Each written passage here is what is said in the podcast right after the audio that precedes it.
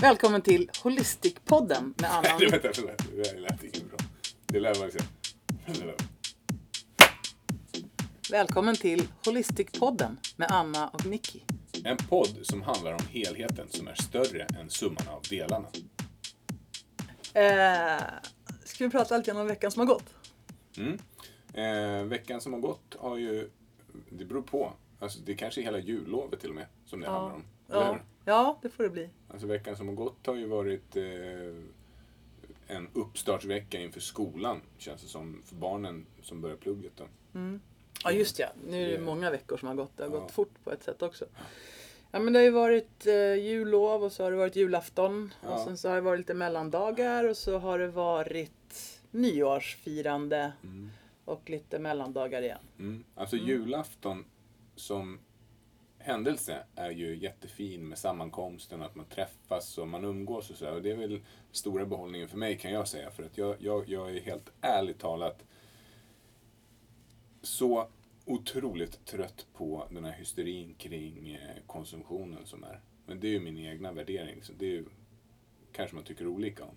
Men jag tycker att, att eh, det som blev tydligt i julas, det var att det som är fint, det är ju att man träffas.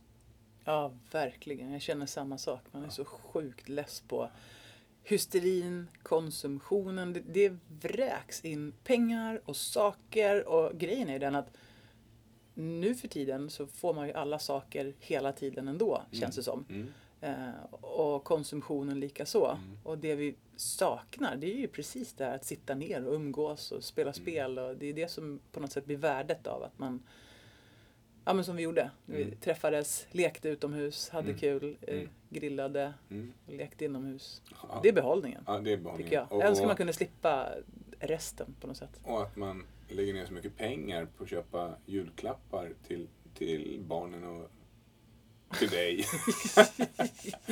och, och så ser man att det inte är det som skapar lyckan. Nej men verkligen. Alltså, Alltså, det är ju inte det på riktigt. nej. Alltså man skulle kunna köpt en eller två julklappar. Den, den bestående effekten av det skulle ju varit densamma, Mm. tror jag.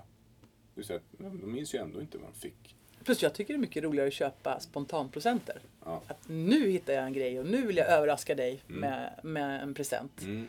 Men att göra det på beställning sådär. Nu ska det köpas klappar och mycket ska det vara dessutom. Det är faktiskt inget pratade vi kul. om också. Det är svårt att liksom komma på en som att köpa när man måste köpa. Ah, det är så värdelöst. Det är mycket. ja, sen var det mellandagar och det var...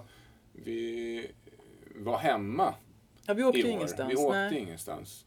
Och det är ju en utmaning i sig. Eller hur? Det Lite så försöka- blir det ju. Man har tre barn som eh, ska underhållas, eller på att säga. Ja. Men vi gjorde egen, lite saker. Och en egen vilja.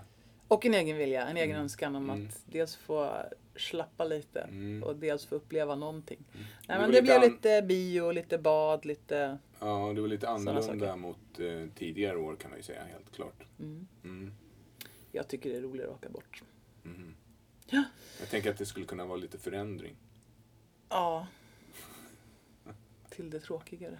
Ja. Ja, eh, i alla fall. Ja. Och sen så kom nyårsafton. Mm. Och det firade vi också hemma. Mm. Och sen så kom det ett nytt år. Och det tar oss ju fram till veckans ämne. Ja! Som kommer att handla om nyårslöften. ja! Och mer, utöver nyårslöften så tänkte vi att det skulle handla om förändring. Ja. Det, Hur, hur gör man det? ja. Mm. Och inte bara på det här klassiska sättet att man sätter ett nyårslöfte, håller tummarna och hoppas på det bästa, blir less och struntar i det. Nej. Utan att man kanske, vi pratar om förändring på hjärnans villkor Mm. helt enkelt. Mm. Vi jobbar ju med det här med att sätta mål och hjälpa människor till förändring så vi vet ju att det går. Mm. Jättebra. Ja, verkligen. Och jag tycker den taken vi har kring ledarskap och de mm, förändringsprocesser som vi jobbar med ut mot företag och organisationer, de bygger väldigt mycket på, på eh, ledarskap och förändring ur ett hjärnperspektiv, alltså hur det funkar rent neurologiskt. Mm. Eh, det, det, är ju, det är ju verkligen på riktigt intressant. Mm. Och om vi pratar om det här med nyårslöften och förändringar Mm. så kan man ju direkt tänka, men måste man förändras då? Måste man sätta mål hela tiden? Måste man förbättra sig själv hela tiden? Och måste man det? Då väljer jag att citera våran goda vän och mentor och Jedi Master Stefan Klingsbo. Som ju säger att man måste ju ingenting. Han har säkert tagit den från någon annan också. Men man måste ju ingenting. Utan han säger att man måste ju bara dö. Och man måste göra val. Och sen så får man stå för konsekvenserna av ens val och vara beredd på det. Jag gillar det där, eller jag älskar det faktiskt. Ja. Det är det här 100% eget ansvar Mm. för sitt liv. Man måste ingenting. Nej.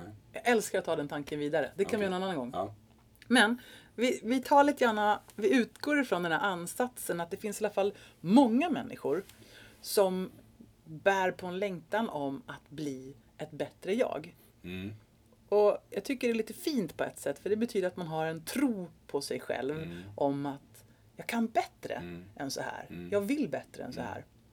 Så jag, jag väljer att tänka att det är lite fint och precis som att barn alltid utvecklas. Och det är så självklart att barn får ta steget från att krypa till att gå, till att springa, till att cykla.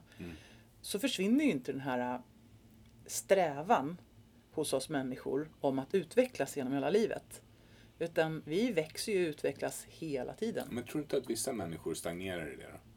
Och att det skapar liksom, alltså antingen väljer man att utvecklas eller Ja. så avvecklas man. Det vill säga att det blir bara mindre och mindre. Att man stagnerar.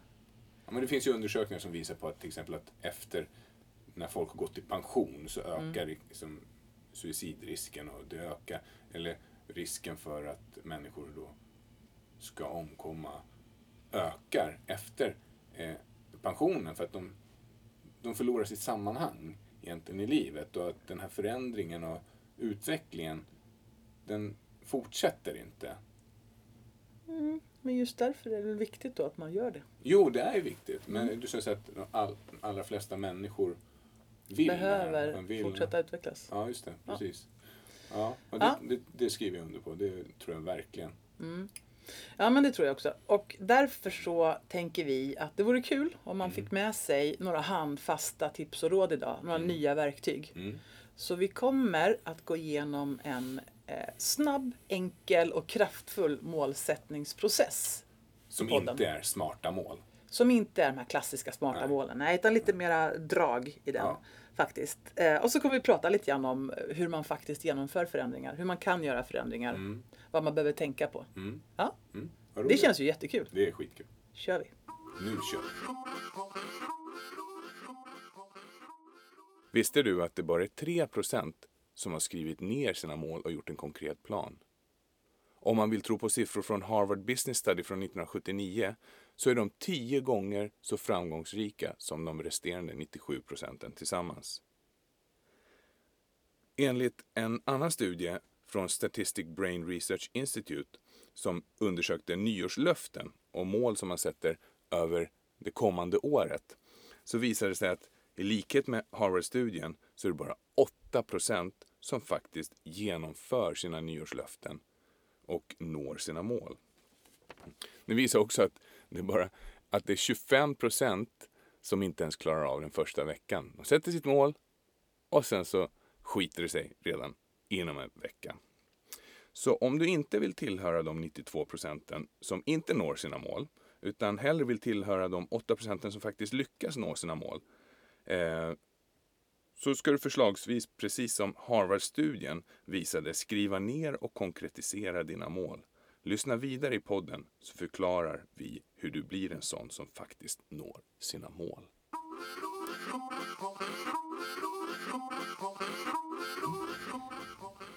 Det här med nyårslöften då, vad, vad tycker vi? Vad tycker du? Eh, Jag tycker att det är... eh, Jag tycker, jag tycker i grund och botten att det är jätteroligt. Alltså man behöver inte göra en big deal av det. Utan nyår kommer varje år.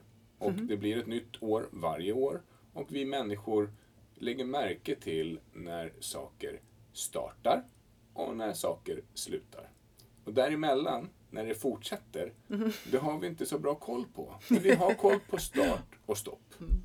Och, och varför inte dra nytta av det då? Det är väl bara det där att man kanske behöver lägga in lite delmål på vägen. Det är det, är det, det som vi kommer till sen lite mer. Men, men jag tycker nyårslöften är jättekul. Du då?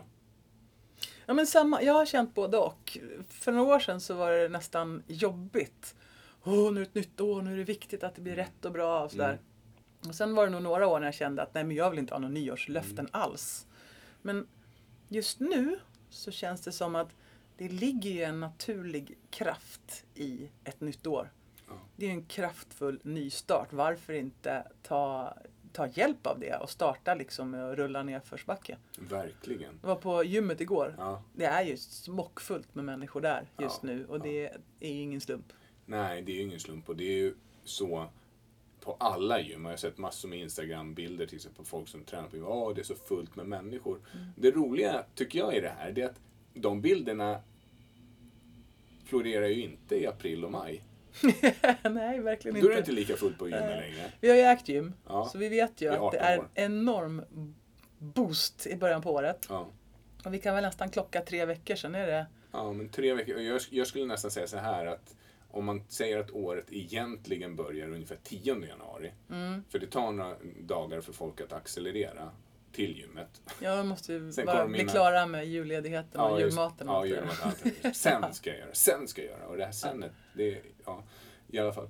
Och, och sen blir det då ungefär 10 januari skulle jag säga. Där någonstans börjar det droppa rejält. Det är min känsla. Mhm. Mm. Mm. Inte min. Jag tycker det håller i sig lite till. Ja, kanske, eh, eh, Mm. ja, det finns kanske inte rätt eller fel i det egentligen. Mm. Men, och det som är intressant, det är ju så att det man önskar däremot som, som gymägare, det är att de här nyårslöftena faktiskt blir av, att de håller det. Den bästa kunden på ett gym, det är ju faktiskt den som utnyttjar gymmet, inte liksom de som köper ett kort och sen inte kommer tillbaka, för de har ju på något sätt misslyckats med sitt värv, Mm. känns det som. Mm, ja, men självklart. Mm. Men så, jag tror vi kan enas om att vi bägge två tycker att det ligger någonting smart i att ta tag i nyårsskiftet där Mm. för att få den här kraften i en nystart. Verkligen. Verkligen. Okej. Ja. Kul. Ett nyårslöfte handlar ju om någonting som man har gått och funderat på, kan jag tänka mig. Mm. Det brukar oftast vara att man ska börja med någonting Mm. eller sluta med någonting. Mm. Eller möjligtvis då både och. Mm. Ehm, Eller fortsätta med något. ja, fast det är inte lika vanligt. Har du tänkt på det? Det är väldigt få som kommer in och säger Åh, nu har jag ett nyårslöfte, jag ska fortsätta med. Utan det är ju oftast en ny start eller ett nystopp. Men jag kan ta ett exempel från mitt eget liv sen. Eller nu. Gör det nu. Ja. Det var ju när jag höll upp med godis i tre år. Ja. Eh, då var det så att då tog jag ju om det löftet eh, efter ett år och efter två år igen. Mm. Fortsatte göra bra. Nu skrattar du. Ja, det ser man ju inte i, i, i en podd här, men nu skrattar du när jag berättar om det här. Kan du inte berätta om ditt första eh, godisfria år? Jag förstod att det skulle komma upp. Ah, fasen. Okej, ja, jag gjorde ju det här nyårslöftet eh, ännu längre tillbaka sen. Eh, när våra kära danska eh, familjemedlemmar var på besök i Sverige. Och då så tog jag ett eh, godislöfte. Så jag ska sluta äta godis. Sa du Eh, klockan 00.00? Ja, 0000. Så Ja. på tolvslaget sådär. Mitt nyårslöfte är att jag ska sluta äta godis. Och sen var, blev klockan 00.00 03 sekunder över ungefär. Och så satt jag och käkade go godis ur eh, godisskålen. Det var ju jäkligt... Eh, Det var universums kortaste nyårslöfte. ja. Jag glömde bort att tidsbegränsa, eller tidsbestämma mitt nyårslöfte kanske att det skulle vara resten av året. Jag sa bara att jag skulle sluta äta godis Åh, för den roligt. sekunden. Ja. Eh, nej men, så, förmodligen så är det så här att man har en målbild. Mm, Det är någonting man vill uppnå. mm, Och vi har ju bägge två jobbat som personliga tränare. mm. Och en av de vanligaste målbilderna som folk kommer in med är ju Hej, jag vill gå ner 10 kilo på 10 veckor. Ja, det är faktiskt det. Det är en sån himla klassiker. Mm, Och lite ogenomtänkt klassiker kan man nästan säga. mm. Därför att ehm, Nej, men det blir så platt. Det vill säga, för att då brukar en följdfråga vara, jaha, och då har du gått ner de här 10 kilorna. Mm. Är ditt liv perfekt då? Är det som du vill att det ska vara? Mm. Och vad svarar de då? Nej, inte riktigt. Nej, men det är oftast inte så platt det är. Nej. Men det är så lätt att titta på yttre faktorer och tänka Mm. om jag bara går ner 10 kilo Mm. och fort ska det gå, 10 Mm. veckor Mm. tänker jag ge det. Eh, då blir allt bra. Mm.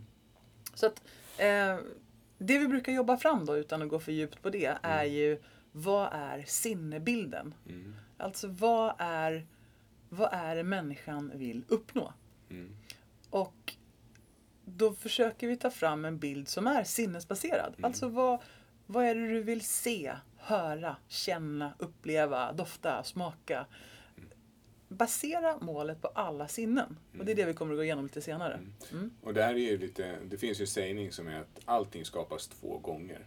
Mm. En gång i ditt sinne och en gång i verkligheten. Mm. Och om man nu har en målbild som är ju en, en, ett skapande av den här saken man vill uppnå i sinnet, då är det bara ett steg kvar, det vill säga att slutföra det. Mm. Och alla uppfinningar, allting som man för många år sedan kanske tänkte det här är ju omöjligt. Alltså vem kunde föreställa sig en iPhone på 1800-talet? Mm. Någon var ju tvungen att på något sätt se en bild av den här, en vision av det här Mm. målet Fantisera. fantisera.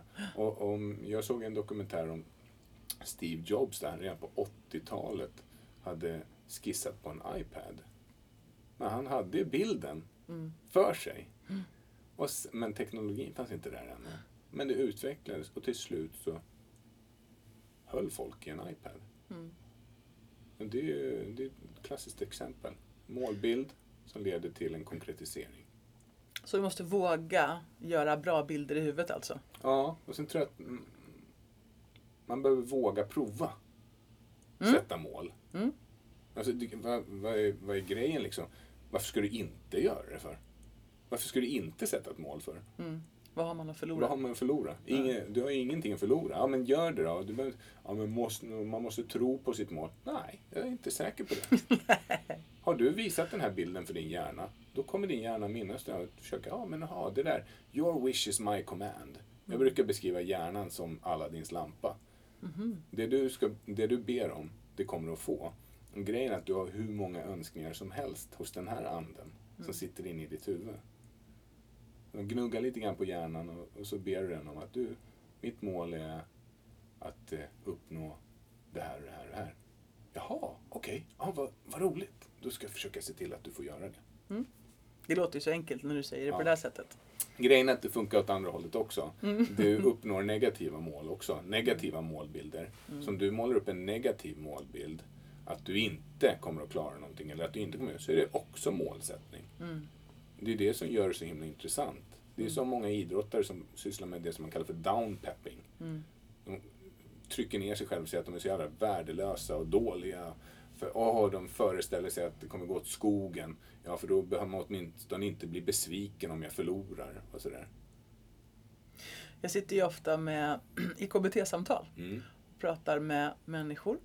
Och en sak som vi människor är väldigt, väldigt bra på, Mm. som vår hjärna är bra på, det är att måla upp katastroftankar. Mm. Just det.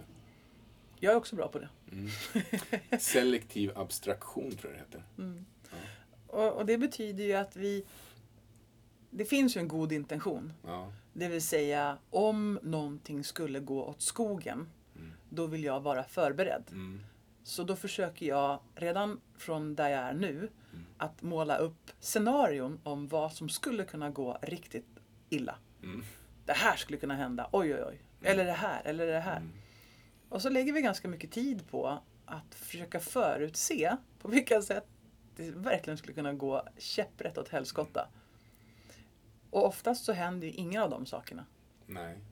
Så då har vi liksom oroat oss en hel del i onödan. Ja. Verkligen. Men det är väldigt få människor som sitter och fantiserar lika mycket om hur fantastiskt det skulle kunna gå på olika sätt. Mm. För att förbereda sig hur man kan möta det. Vilket ju egentligen är märkligt. Vilket egentligen är helt dumt Ja. faktiskt. Tänk man skulle ägna sig åt att sitta och flörta med tanken på "Ah, Tänk om det går fruktansvärt bra. Ja. Hur ska jag, hur ska jag klara av det? Hur hanterar jag det på ett bra sätt? Om jag uppnår alla mina... Fast det är en relevant sak. Därför att många då... Okej. eh, vi- ett klientcase då. En klient som hade då eh, som mål att gå ner i vikt. Mm.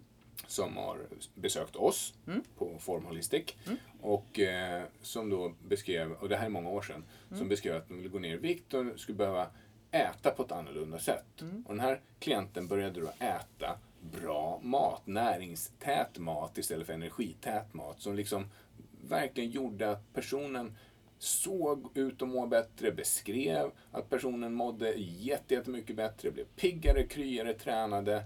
Så, så eh, sa klienten, eh, ja, nu, nu har jag ju nått mitt mål, så, så när kan jag börja äta skitmat igen? Eller hur? Ja. Och det är ju jättemärkligt då, för att det blir lite grann så här att okej, vi, vi saboterar vår egen framgång genom att vi är rädda för att lyckas. Om jag lyckas med det här nu då, då måste jag ta ansvar för det här, kanske resten av mitt liv. Jag kanske måste äta nyttigt resten av mitt liv. Eller, tänk om jag måste träna hela mitt liv. Det är den här förändringen som måste till och vara varaktig. Och det är inte alltid lätt att copa med. Nej, och där brukar vi ibland prata om eh, vilket mål vill du uppnå och vad får det kosta? Mm. Eh, vill du uppnå en body fitness form, Mm. då kan du vara säker på att det kommer att kosta. Ja. Är du beredd att betala priset? Mm. Och i mitt fall kan jag säga nej, det är jag inte. Men en annan svarar ja på den frågan. Så det är bra att hitta sin nivå så att säga. Mm. Mm.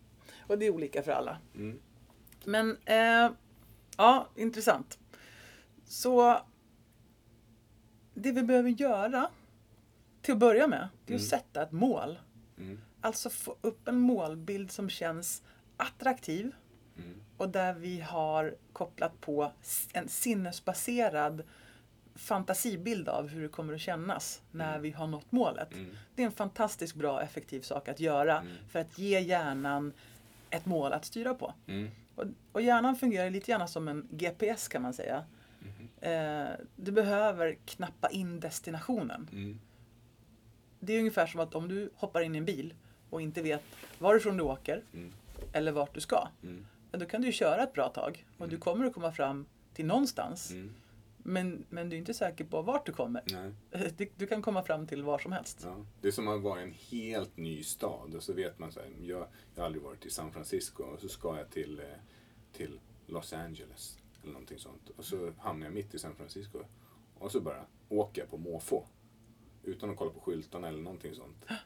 Det är ju ganska liten sannolikhet att jag handla, handla, hamnar i LA då, tror jag. Ja, exakt. Och det här är så, det fattar ju alla. Ja. Men när det kommer till vår egen hjärna, vårt eget sinne, vår kropp och vårt system. Då är det så få som vet om det här. Det är märkligt tycker jag. Jag tycker din liknelse är ganska rolig när du beskriver att, att, att det är som att gå in på ICA. Mm. Eller hur? Ja men precis. Att när vi, jo men den historien börjar ju så här att när vi sitter med folk och samtalar Ja. så är folk väldigt, väldigt bra på att tala om vad de inte vill. Mm. Vi frågar, istället för att fråga vad har du för mål så kan man fråga vad vill du? Mm. Och då svarar de allra flesta, jag vet inte. Mm. Och så börjar de berätta alla saker. Jag vill, jag vill, jag vill i alla fall inte vara trött, jag vill inte vara tjock, jag vill inte känna mig negativ. Och, ja, och så Ja. kommer det en lång, lång lista på Mm. vad man inte vill. Mm. Och då är ju det kommandot. Mm. Och det är lika intelligent som att gå in på ICA med en Mm. lång lista på alla saker som man inte vill ha med sig hem. Ja. Jag ska inte köpa tomat. Jag ska Ja. inte köpa vitt bröd. Nej, jag ska inte köpa toapapper. Nej, Alltså, vad det- fasen kommer hem med då? Ja. Så det inte, inte kommandon är inget bra. Nej. Utan vi behöver måla upp en tydlig bild Mm. av vad vi vill. Mm. Hur gör man det? Ja, det gör man bara. Nej, men vi ska ju gå igenom en process lite senare. Okej. Ehm, och sen sätter man igång, eller hur? Mm. Eller? I bästa fall, Mm. kanske. Det måste ju finnas någon form av incitament till att göra det här. Antingen så finns det pain, liksom att man har något smärtsamt som man vill ifrån, som skapar det som man kallar för frånmotivation. Motivation. Ja, hotivation är också bra. Jag gillar de här begreppen. F- För det är väldigt talande. Från motivationen eller hotivationen, det är det du vill komma ifrån. Det är det som allt negativt och icke-konstruktivt som är laddat med det beteendet eller den händelse eller vad det nu än må vara som du vill ifrån. Jag älskar motivation. Ja. Jag tycker det är så fantastiskt bra när Ja. man till exempel upplever att det här, det här är för dåligt. Mm. Det här är min botten. Nu jädrar tar jag tag i saker och ting. För mig funkar den kraften väldigt bra. Mm. Mm. Eller så kan det finnas ett incitament om till motivation. Det vill säga eh, det du vill till, det du vill uppnå, den känsla, det, den, det tillstånd du vill uppnå eh, som får dig att vilja sträva närmare målet. Helt enkelt. Och det här limbot att ligga mitt emellan, det vill säga när Mm. du är väldigt nära botten, när du tycker att nu är det för dåligt, Mm. då kommer den här från motivationen och nästan biter dig i rumpan om du Ja. inte flyttar dig därifrån. Exakt. Eh, och när du är ganska nära ditt mål, Mm. då är du så nära så du nästan kan ta på målet och det är så, då kämpar man lite extra. Ja, Men den här, det här mittemellan, ja just det, precis. det är Mm. inte tillräckligt attraktivt och nära att nå målet, men Nej. inte heller tillräckligt dåligt. Nej. Där har vi den här bekvämlighetszonen där det är lätt att bli kvar, eller hur? Ja, verkligen. Det kan jag ju säga för min egen del som ofta måste ut ur bekvämlighetszonen. Utsätta mig för det obehagliga. Men jag tänker till motivationen som en magnet också. Att det är ett magnetfält. Och det når ungefär till mitten. Och den här motivationen, de här glödgade spjuten, eller vad sa du att det var som Ett monster som kommer och biter en i rumpan. kommer- Ja, monstret, det, kan, det har liksom en kedja och det räcker ungefär till mitten. Ah, Okej. Mm. Och då när du kommer till mitten, när du kommer dit någonstans, då börjar magnetfältet att dra dig närmare målet. Och eh, det här monstret är inte längre någon fara. Och Jag tänkte att jag skulle dra en liknelse igen som har med vikt att göra, för det är så enkelt att relatera till. De allra flesta människor har någon gång gått upp eller ner i vikt. Eh, I alla fall de som växer. Ja, och då, då blir det så här, när man jobbar med klienter så kan det många gånger vara så att okay, målet är att man ska gå ner 10 kilo i vikt. Fine, jättebra. Och så börjar man göra de här förändringarna som, som oftast faktiskt är väldigt enkla. Det, det är enklare att gå ner i vikt än man tror många gånger. Ibland är det jättekämpigt men det finns ofta förklaringar till det. Och så, så har man 10 kilo och så har man gått ner 3-4 kilo och känna fan, man känner sig piggare, man börjar känna sig fräschare, man sover bättre, man får mer energi och sådär. Och plötsligt så börjar människor tänka, ja, men kolla, det ser rätt okej ut här. Jag tror att jag kan unna mig lite till här. Och, och så går man upp i vikt igen.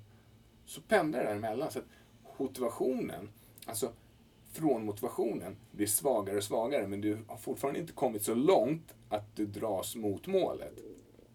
Och i det läget, det är där man måste ha den här planen. Och följa den här planen och våga skapa den på tid varaktiga förändringar som krävs. Det som vi kommer att prata längre om, hur lång tid det faktiskt tar att skapa en ny vana. Och där kommer vi in lite grann på det här med strategi Mm. och känsla. Mm. Att båda är viktiga att ha i ett mål. Ja. Eh, om vi pratar om känslan Mm. i till exempel från motivation så kan ju den vara väldigt stark. Mm. Du får en känsla av att det här är, det här är för dåligt. Ja. Det här är för smärtsamt. Det här vill jag ifrån. Ja. Det, det är en känslobaserad drivkraft.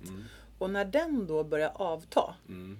då är det väldigt viktigt att du har någonting att hänga upp det här målet och den här satsningen vid. Det vill säga att du har satt någon sorts strategi. Mm. Eh, och ett roligt exempel på det, Mhm. det var ju när vi pratade mm, med dig, om dig, Ja. för några veckor sedan. Vill, Alltså. du, vill du berätta? Kan du specificera? Vilka, det har uppenbarligen ganska många roliga händelser.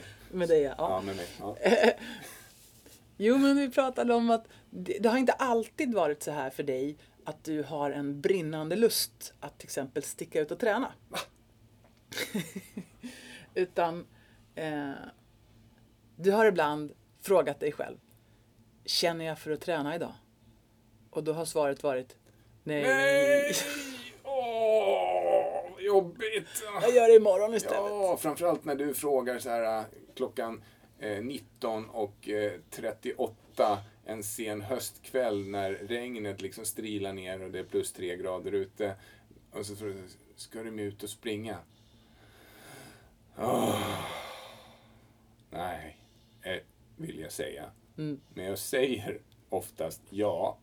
Men alla känslor inom mig säger nej för fasen. Stanna kvar här och ligg kvar i soffan. Eh, det är bara jobbigt. Så jag, jag, om, om jag bara skulle gå på känsla, för mig, Mm. då skulle jag för fasen inte få många träningspass gjorda alltså. Jag Men- tycker, eller hur? Ja, men när jag tränar så tycker jag att Mm. det är jätteskönt. Alltså jag njuter av träning. Känslan efteråt är fantastisk. Mm. Men motståndet innan är oftast liksom, det är ofta från motivationsläge. Det är nej, nej, nej, jag vill inte, jag vill inte liksom till det här läget. För mig så är ofta från motivationen eh, eller till motivationen Mm. obefintlig eh, i de lägena. Säga, Jag är ofta lite för bekväm. Precis. Eh, och då kommer vi till det här att för att kunna göra en bra satsning mot ett mål Mm. så kan det vara väldigt, väldigt vettigt att ha med sig någon sorts upplägg och strategi. Mm. Det vill säga, du tittar på var är jag nu, nuläge. Mm. Okej, och vart vill jag vara någonstans Mm. längre fram i tiden? Vad är min målbild? Mm. Och sen försöker vi skapa någon sorts vettig plan för det här. Mm. Okej, eh, vi tar det här enkla exemplet då med att gå ner 10 kilo i vikt. Eller förändra kroppen eller på något sätt göra en hälsosatsning. Mm.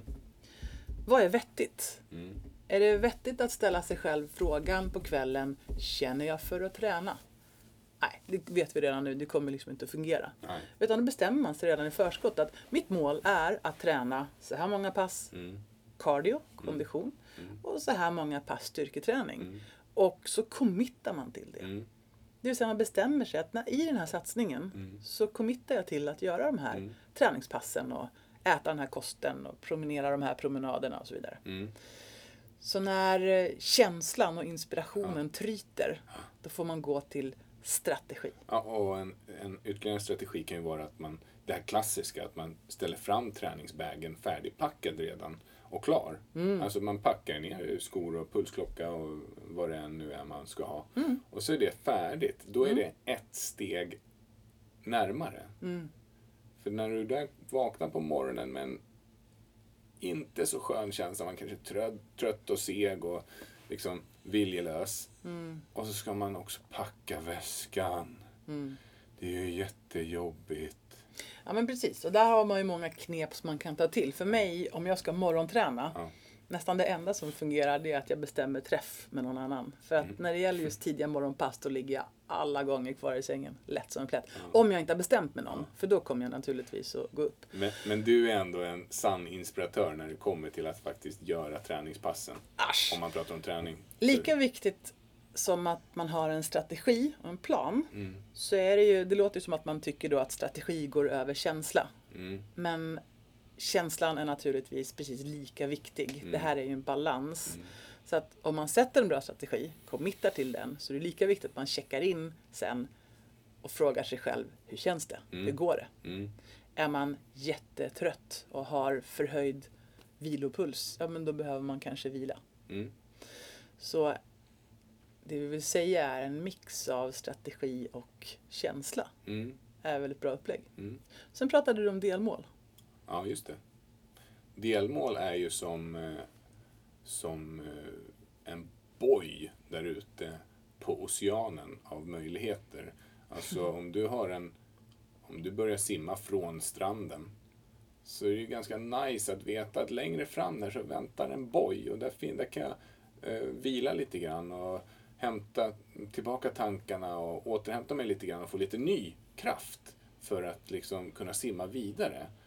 Och, och om du har, om du simmar och se, så har du den här bojen inom synhåll hela tiden. Så att du simmar till den och när du kommer till den bojen, då ser du nästa boj lite längre fram. Och då vet jag, okej, då kan jag simma till nästa boj igen. Ungefär som på en triathlon-tävling när man ser Ja, bojarna. vad lustigt att du tar upp det, Mm. för jag satt och tänkte mig in i den här bilden nu och det stämmer ju fasen. Att om det är lite tätare mellan bojarna Mm. och även om jag inte ens stannar på varje boj så känns det bättre att ja men nu ska jag dit och sen ska jag dit. Och som på Mm. Mallis när vi körde Ironman här för 2016. Då hade de ju sån här Australian exit. Det vill säga, Ja, man det. simmade ut eh, till bojarna och sen in till stranden. Så fick man springa upp på stranden också till och med. Mm. Det går ju ytterligare en extra skjuts. Man lite så här, det är som att, att i de här delmålen så kan man ha några extra fina delmål. Att när jag har nått hit om ett halvår, Mm. då ska jag då ska jag ge mig själv det här. Eller Mm. en extra cred liksom. För det ger ytterligare skjuts till att fasen vad roligt det här är att eh, sträva, att eh, komma närmare mitt mål. Och delmålen de behöver vara placerade så, så att de är rimliga att kunna nå. Mm. Det vill säga, de kan inte vara, ett delmål kan inte vara att om ett år ska jag ha gått ner 10 kilo och sen om två år ska jag ha gått ner 20 kilo. Utan det är liksom, vad ska, vad ska hända imorgon? Vad ska hända om tre dagar? Om en vecka? Om två veckor? Alltså verkligen Mm. göra det här så, checka in så ofta som det bara behövs. Just precis. Ja, och, Checka kan, in, stämma av. och är det ett kraftfullt beteende som måste förändras, som alkoholbeteende eller rökning eller någon annan form av missbruk, Mm. då måste man kanske checka in till och med i början varje kvart eller Mm. varje timme till och med. Mm. För det, det, det är liksom, man måste bort från den här kidnappade hjärnan. Precis, för hjärnan är ju en fantastisk skapelse som vi alla har. Och den funkar ju så att den gillar att göra samma saker igen och igen och igen. Ja, verkligen. Eh, av energisparande orsaker Mm. så skapas det som program eller autopiloter Mm. i hjärnan. Mm. Och eh, för att någonting nytt ska hända så kommer det ju behövas energi. Mm. Och det kommer att kännas jobbigt. Mm. Och det kommer att kännas obehagligt. Mm. Och det här är så himla bra att veta om. Mm. Eh, så när man till exempel bestämmer sig för att nu ska jag sluta Mm. med att sitta och scrolla på min mobil. Mm. Det är ju tillfälle där våran hjärna får såna här små kickar av eh, kroppsknark Mm. kan man säga. Vi får dopaminkickar Mm. av att sitta och scrolla på mobiltelefonen. Och jag vill byta ut det här mot att läsa en bok istället. Mm. Då kommer ju det här dag ett att kännas obekvämt, Mm. minst sagt. Mm. Man kommer hellre vilja göra det man brukar göra. Ja. Likaså dag två, dag tre och så vidare. Mm. Men om man tar sig själv i kragen och bestämmer sig för att nu ska jag verkligen byta ut den här vanan. Mm. Då kommer man efter 45 dagar, Mm. Cirka. cirka. Mm. Vissa har hört närmare 21, 28 dagar. Har 60 dagar till exempel. Ja, men precis. Och det senaste jag har läst om är 45 dagar. Så håller man i en ny vana i 45 dagar, då skriver man över det här gamla programmet, det gamla mönstret som man har. Mm. Och du kommer faktiskt att längta, inte efter att scrolla, utan att läsa en bok. Så det du säger, Mm. det är att först måste man repa skivan. Så man byter, bryter det spåret som man är i Mm. genom att göra någonting annat än det man gör. Måste göra något nytt. Och sen måste man spela in en ny, Ett nytt program. ett nytt program. Ja, en lite ny så. slinga liksom. Det är som att Okej. man skriver över. Mm. Och det gamla mönstret kommer alltid att ligga där Mm. i grund och botten. Så att om man inte gillar sitt nya mönster, då kan man alltid falla ur och gå tillbaks. Man behöver aldrig vara orolig för att man ska glömma bort något. Nej men lite så. Alltså men om du alltid har rökt Mm. Och så satsar du på att sticka ut och jogga istället. Och så tänker du att det här med joggning var ju jättetråkigt. Ja men då kan du alltid gå tillbaks och bli en rökare. Men, men det där är intressant ändå, för jag rökte en gång i tiden. Ja. Alltså jag rökte när jag var yngre, Mm. ganska många år. Mm. Eh, Du var så- ganska söt när du rökte faktiskt. Jo, jag tycker det. Ja, men det Ja. var jättekonstigt i alla fall. Det var någon form av identifikationskris eftersom jag också tränade och jag försökte liksom vara en hälsosam människa Mm. eh, så gott det gick. Och, och, men rökte ändå, Mm. vilket ju var otroligt fånigt. Jag, jag skyller på att jag var lite ung och dum Mm. då. Men, eh, men det som hände var, det jag skulle komma fram till var att jag känner ju inte nu att eh, ah, jag skulle nog kunna ta en liten cigg. Alltså det är ju typ 20 år sedan jag slutade röka. Nej precis, du har gjort ett, en, ett långt bestående intryck av att inte vara en rökare. Ja, plus att jag ankrade det på identifikationsnivå. Mm. Jag vill ju inte längre identifiera mig med om vi hälsar så här, hej hej, jag heter Nikola, jag är rökare. Mm. Alltså det känns inte rätt. Mina värderingar kring rökning, de är helt och hållet utraderade. Mm. Jag hatade ju att farsan rökte när jag var yngre. Det fanns inget värre. Och Nej. ändå Och ändå gjorde du så gjorde jag det. Ja. Vilket är så dumt. Men, men jag slutade också cold turkey. Jag minns när jag gjorde det. Jag knacklade ihop cigarettpaketet, slängde det och rökte inte en enda gång Mm. efter det. Det minns jag också. Mm. Du är bra på sådana avslut. Mm. Jag hade en kompis som eh, gick och sa till sig själv varje dag. Det är ingen idé att träna om man röker. Nej. varje dag. Nej men det är ingen idé att träna om man röker. Eh, den här personen ville börja träna. Ja. Men det var ju ingen idé att träna om man röker. Nej. Och plötsligt en dag så sa personen tvärtom. Nej men det är ingen idé att röka om jag ska träna. Och så gick personen och tränade. Det är så jäkla Istället. roligt. Det Det får är rys på fantastiskt. kroppen. Det är helt fantastiskt bra. Ja, du gillar ordvändningar. Ja, jag gillar det. För det, kan, det ligger så mycket kraft många gånger i det. Det där Det det. ändrade ju det för henne. Ja. Helt och hållet. Mm. Och bara den här betydelsen, ordalydelsen av det här. Det blev ju skiftet för henne. Mm. Eller hur? Det är sjukt häftigt faktiskt. Mm. Det är coolt. Mm. Det var som jag ville cykla Vätternrundan. Mhm. Ehm, 2000, vad kan det bli då? 2008. Mm. Och så var jag lite ledsen för att nu kommer Vätternrundan här om en vecka och jag ska inte följa med och det känns så himla tråkigt. Och så satt jag och pratade med just våran guru där, Stefan. Ja. Varför ska du inte följa med då? Nej men jag har inte, jag har inte tränat och jag har inte köpt någon biljett heller. Nej. Och jag fick barn för ett halvår sedan. Ja. Måste man det? Sa han då. Ja. Ja, sa jag. Ja. Nej men måste man verkligen det? Ja. Nej men måste måste man väl inte? Och i samma sekund så förstod jag ju att det måste man ju faktiskt inte. Ja.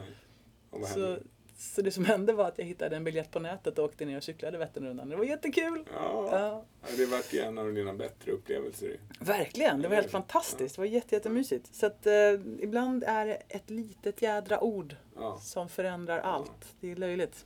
Verkligen. därför jag älskar vårt jobb. Mm. Vart har vi kommit nu då? Vi har pratat om nyårslöften. Mm. Att man kanske har en önskan om Mm. någonting. Eh, och nummer ett då är att måla upp en målbild.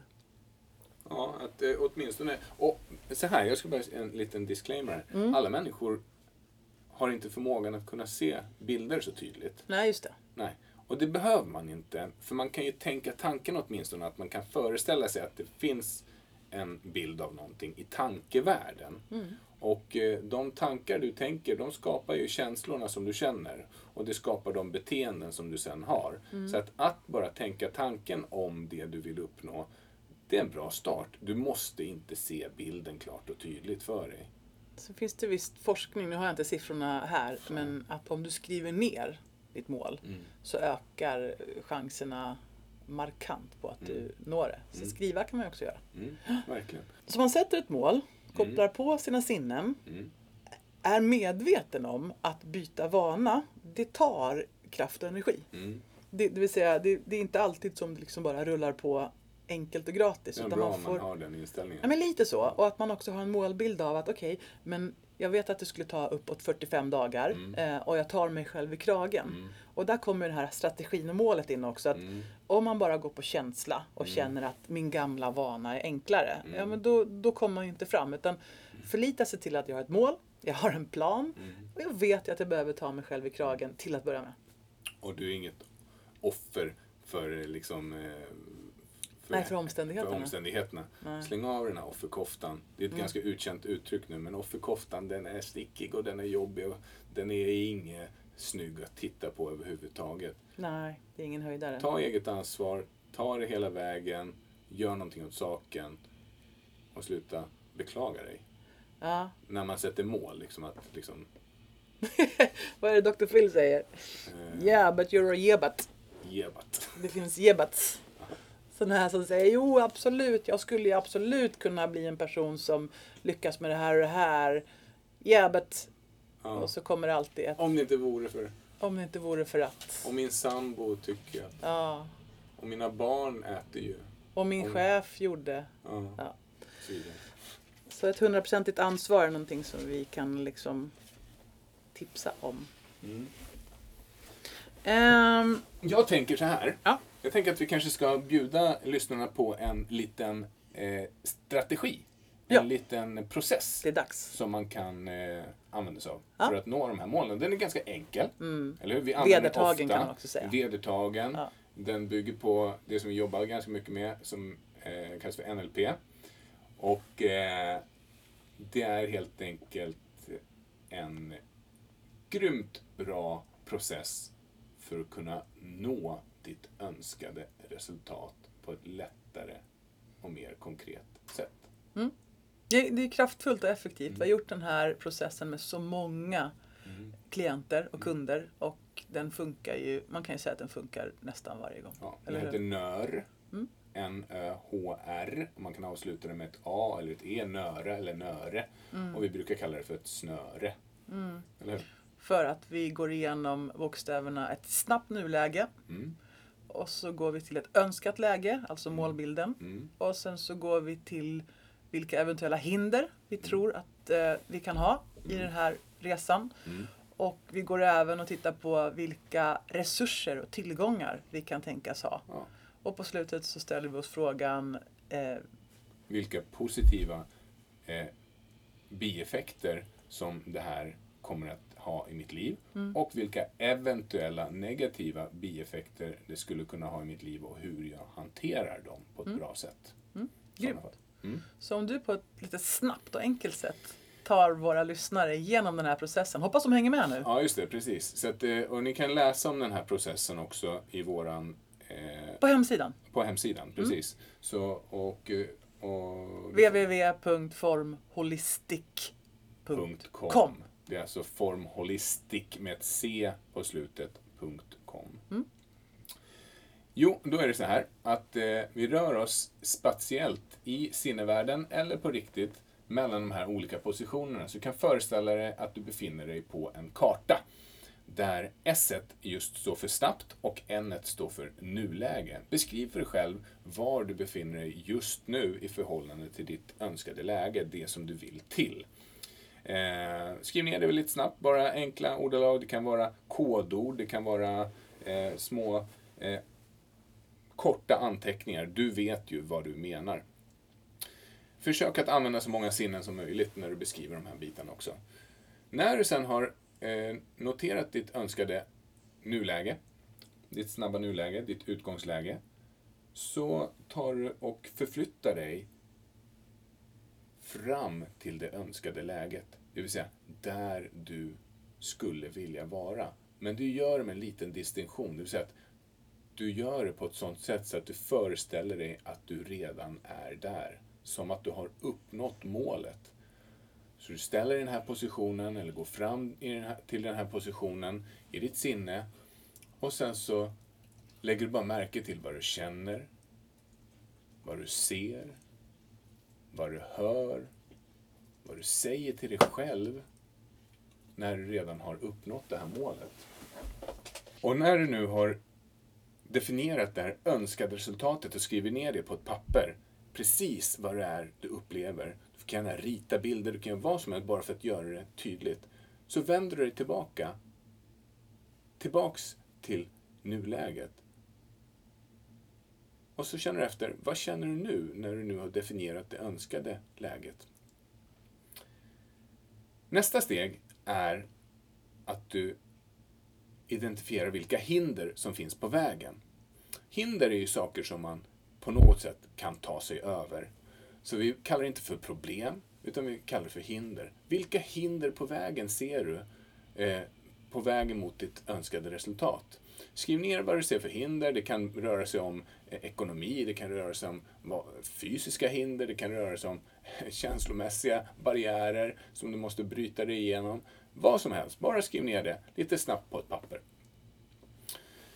När du har definierat dina hinder för dig själv så tar du och vänder dig mot din resurskammare. Det vill säga det läge där du vet att du har alla resurser som du någonsin skulle kunna behöva inom dig. Så lämna dina hinder bakom dig och så vänd dig till de möjligheter som finns istället. Bara skriv ner alla möjligheter, alla resurser, alla verktyg som du har för att kunna nå det här önskade resultatet på ett bättre sätt. Säg att det till exempel är att du vill börja träna. Okej, du har ett gym på gångvägs avstånd. Du har pengar, du har ekonomin, du har den fysiska förmågan, du har tiden, du har allt. Din arbetsgivare kanske till och med bidrar med friskvårdspengar. Alla, alla möjligheter finns. Och så bara skriv ner allting, allt som du kan föreställa dig som faktiskt skulle kunna bidra till att du når ditt önskade resultat på ett enklare, lättare, snabbare och bättre sätt. Nu sker magin. Nu går du tillbaka till nuläget igen. Föreställ dig att du är här och nu, men du tar med dig alla resurser som du har.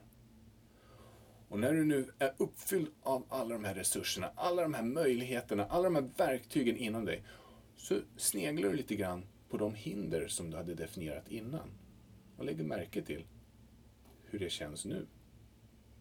Mest troligt så kommer de här hindren kännas som pyttelutte små hinder som du bara kan kliva över lätt och enkelt. Ta med de här resurserna in i framtiden till det önskade läget. Föreställ att du är på plats med alla de resurser, med alla de verktyg och alla de möjligheter som du har tagit med dig nu.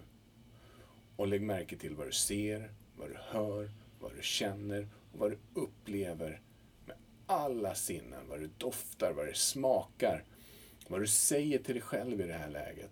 Och bara föreställ dig att du ser och känner den här situationen inifrån dig själv som att du tittar från dina egna ögon och bara njut av stunden för en liten, liten stund. I det här läget så kan du nu föreställa dig, när du nu har nått det här målet, vilka positiva bieffekter kommer det medföra i mitt liv? Är det bra för mig? Är det bra för min omgivning, mina närmaste och kära? Är det bra för alla runt omkring mig att jag uppnår det här målet? Och är det bra för min framtid? Om svaret är ja på alla de frågorna, då är det bara att köra. Avsluta nu med att göra en så kallad framtidsförankring. Föreställ dig att du faktiskt gjorde den förändring som du behövde göra. Och så föreställ dig en framtid, 17 år in i framtiden. Du valde att göra den förändring som du skulle göra. Du valde att göra det nu, efter att ha lyssnat på den här podcasten. Vad ser du framför dig då? På vilket sätt har ditt liv blivit bättre för att du gjorde den förändring som du ville göra? Och så föreställer du tvärtom. Du gjorde ingenting. Du gjorde inte den förändring som du skulle behövt göra. Och så drar du tidslinjen 17 år in i framtiden.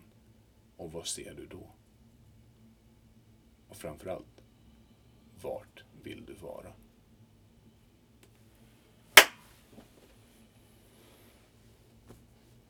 Ungefär så kan man ju göra nördprocessen. Coolt. Och eh, vi som eh, föreläser väldigt mycket, har varit på ganska många föreläsningar, eh, kan ju säkert dela den här känslan med er som lyssnar att ibland så lyssnar man på någonting som är jättebra. Och man blir fascinerad och man tänker wow, vad häftigt, coolt, det där funkar, det där ska jag göra någon gång. Och det där någon gånget, det kommer ju aldrig riktigt utav sig själv. Och grejen är, nothing changes unless you do. Nej. Vi måste göra en förändring. Så att om du satt och lyssnade på hela den här målsättningsprocessen, om du är en sån person som säger nej, jag är tveksam, men prova.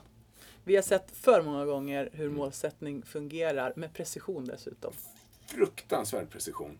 Så det är ju superenkelt nu att egentligen bara spola tillbaks och lyssna. Och där kan man ju lyssna, pausa, lyssna, pausa, skriva, göra, eh, rita, inte vet jag. Gör vad fasen som helst, men ge det en chans. Därför att om inte du gör någonting, då kommer ingenting att ändra sig. Utan det är först när vi verkligen skriver, committar och börjar ändra ett beteende som någonting kommer att hända. Ja. Coolt! Och var inte orolig för om det dyker upp massa känslor och grejer i samband med det här. Det är kanon. Ja, det är bra. Ja. Du, eh, vårat 2019 då? Mm. Vad känner du? Mm. En liten årsplan liksom. Ja, men jag tänkte kanske inte så mycket en plan som mer en, en känsla för året. Jag är ju en sån här person som är synestetiker. Jag får färg på saker och ting. Får du någon färg på 2019? Ja, men inte på det sättet som du, eftersom du verkligen ser saker i färger. Men däremot så har jag en färg för 2019 och det är solgul. Varför då? Ja, men alltså det, det bara känns så. Det känns solgult. Det känns som att, eh, du vet, solen när den strålar in eh, och där i februari och molntäcket börjar spricka upp, solen skiner och plötsligt börjar snön smälta så småningom in på våren. Det värmer huden och man känner att nu kan jag börja gå omkring i t-shirt och shorts och jag kan gå i samma kläder hela dagen utan att behöva bry mig om att behöva eh, anpassa mig efter vädret. Det, det är solgult för mig. Den här känslan av att knopparna brister och träden börjar bli gröna och fåglarna börjar kvittra. Och den känslan har jag för hela året. Ja, det är det som är så himla häftigt. Vad är din färg? Vad fint. Ja, men min färg är eh, turkosgrön. Ja. Eh, och jag kan inte riktigt förklara varför, men det var liksom en färg som dök...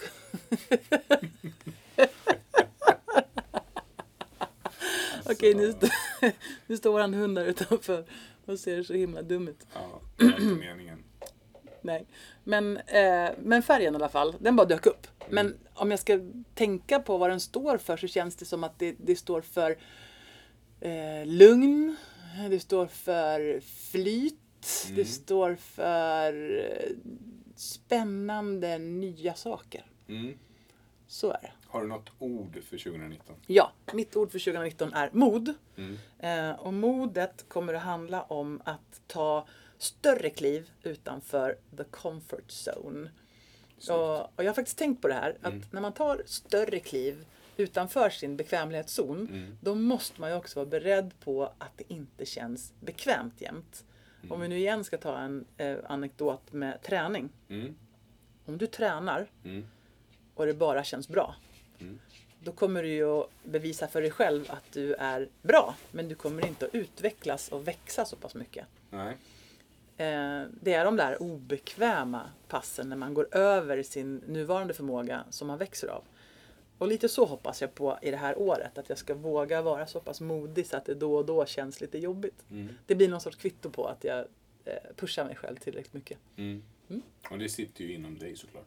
Ja, Jag men tycker självklart. Du, jag Det är tycker att du är godtyckligt. modig. Ja, ja, ja, tack. Men det är inte det, är inte det jag utgår ifrån. Jag Nej. försöker liksom inte, nej. Nej. Utan bara själva grejen av att Mm. våga mer. Mm. Och då tänkte du fråga vilket mitt ord är. Så då undrar jag alltid, vad är ditt ord? och liksom din, ja. Mitt ord är förändring. Mm. Och det kom sig av. Det, det, jag har haft det ganska emotionellt eh, 2018. Tycker Mm. jag.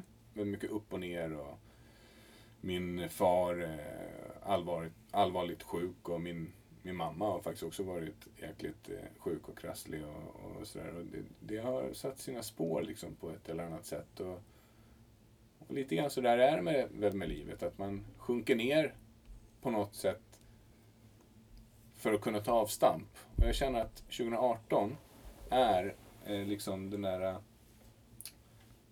avstamps, eller avsatsen som jag kan ta avstamp ifrån. Mm. Och förändring är i min värld ett positivt ord. Mm. Mm, Härligt. så. Jag tycker det känns spännande. Mm. Helt klart. Och vad det gäller podden så kommer den att komma tillbaks. Mm, Varje vecka. veckan. Yes, en gång i veckan. Ja, det kommer finnas ett... åtminstone ska jag väl säga. Ja, verkligen. Vi är ju ganska aldrig. impulsiva eh, som personer överhuvudtaget. Så vi gör det som faller oss in och det vi känner för för stunden många gånger. Så det kanske blir så att vi lägger in ett extra avsnitt någon gång. Absolut. Mm. Det, det är bara kul. Mm. Eh, och det kommer alltid att finnas ett ämne. Ja. Det kommer att finnas fakta. Mm. Och det kommer att finnas förhoppningsvis väldigt många inspirerande och tankeväckande diskussioner. Verkligen. Ja. Och det kommer finnas struktur. Jajamän. Mm. Och det kommer finnas känsla. Ja, det kommer finnas känsla. Fasen, bra. Ja. Så nästa gång, Ja. då kommer vi prata om eh, någonting som vi kallar för autenticitet. Ja. Alltså känslan av, eller eh, genomförandet av att vara på riktigt. ja, just det. Precis. Vi kommer också prata om eh, baron von Münchhausen. Absolut, det ska du prata om. Ja, och det tycker du, då sträcker du ut tungan och lutar och ser helt uttråkad ut när jag Mm. väl skriver det. Mm. Varför det? Därför att du får prata om baron von Münchhausen. Ja. Men under tiden så kan ju folk få googla på baron von Münchhausen. Det tror jag att de kommer att göra. Mm. Sjukt intressant. Jag tycker det. Man kan tycka det. Mm. Bra. Mm. Följ oss på formholistic.com. Formholistic med ett C.com. Även på Instagram formholistic.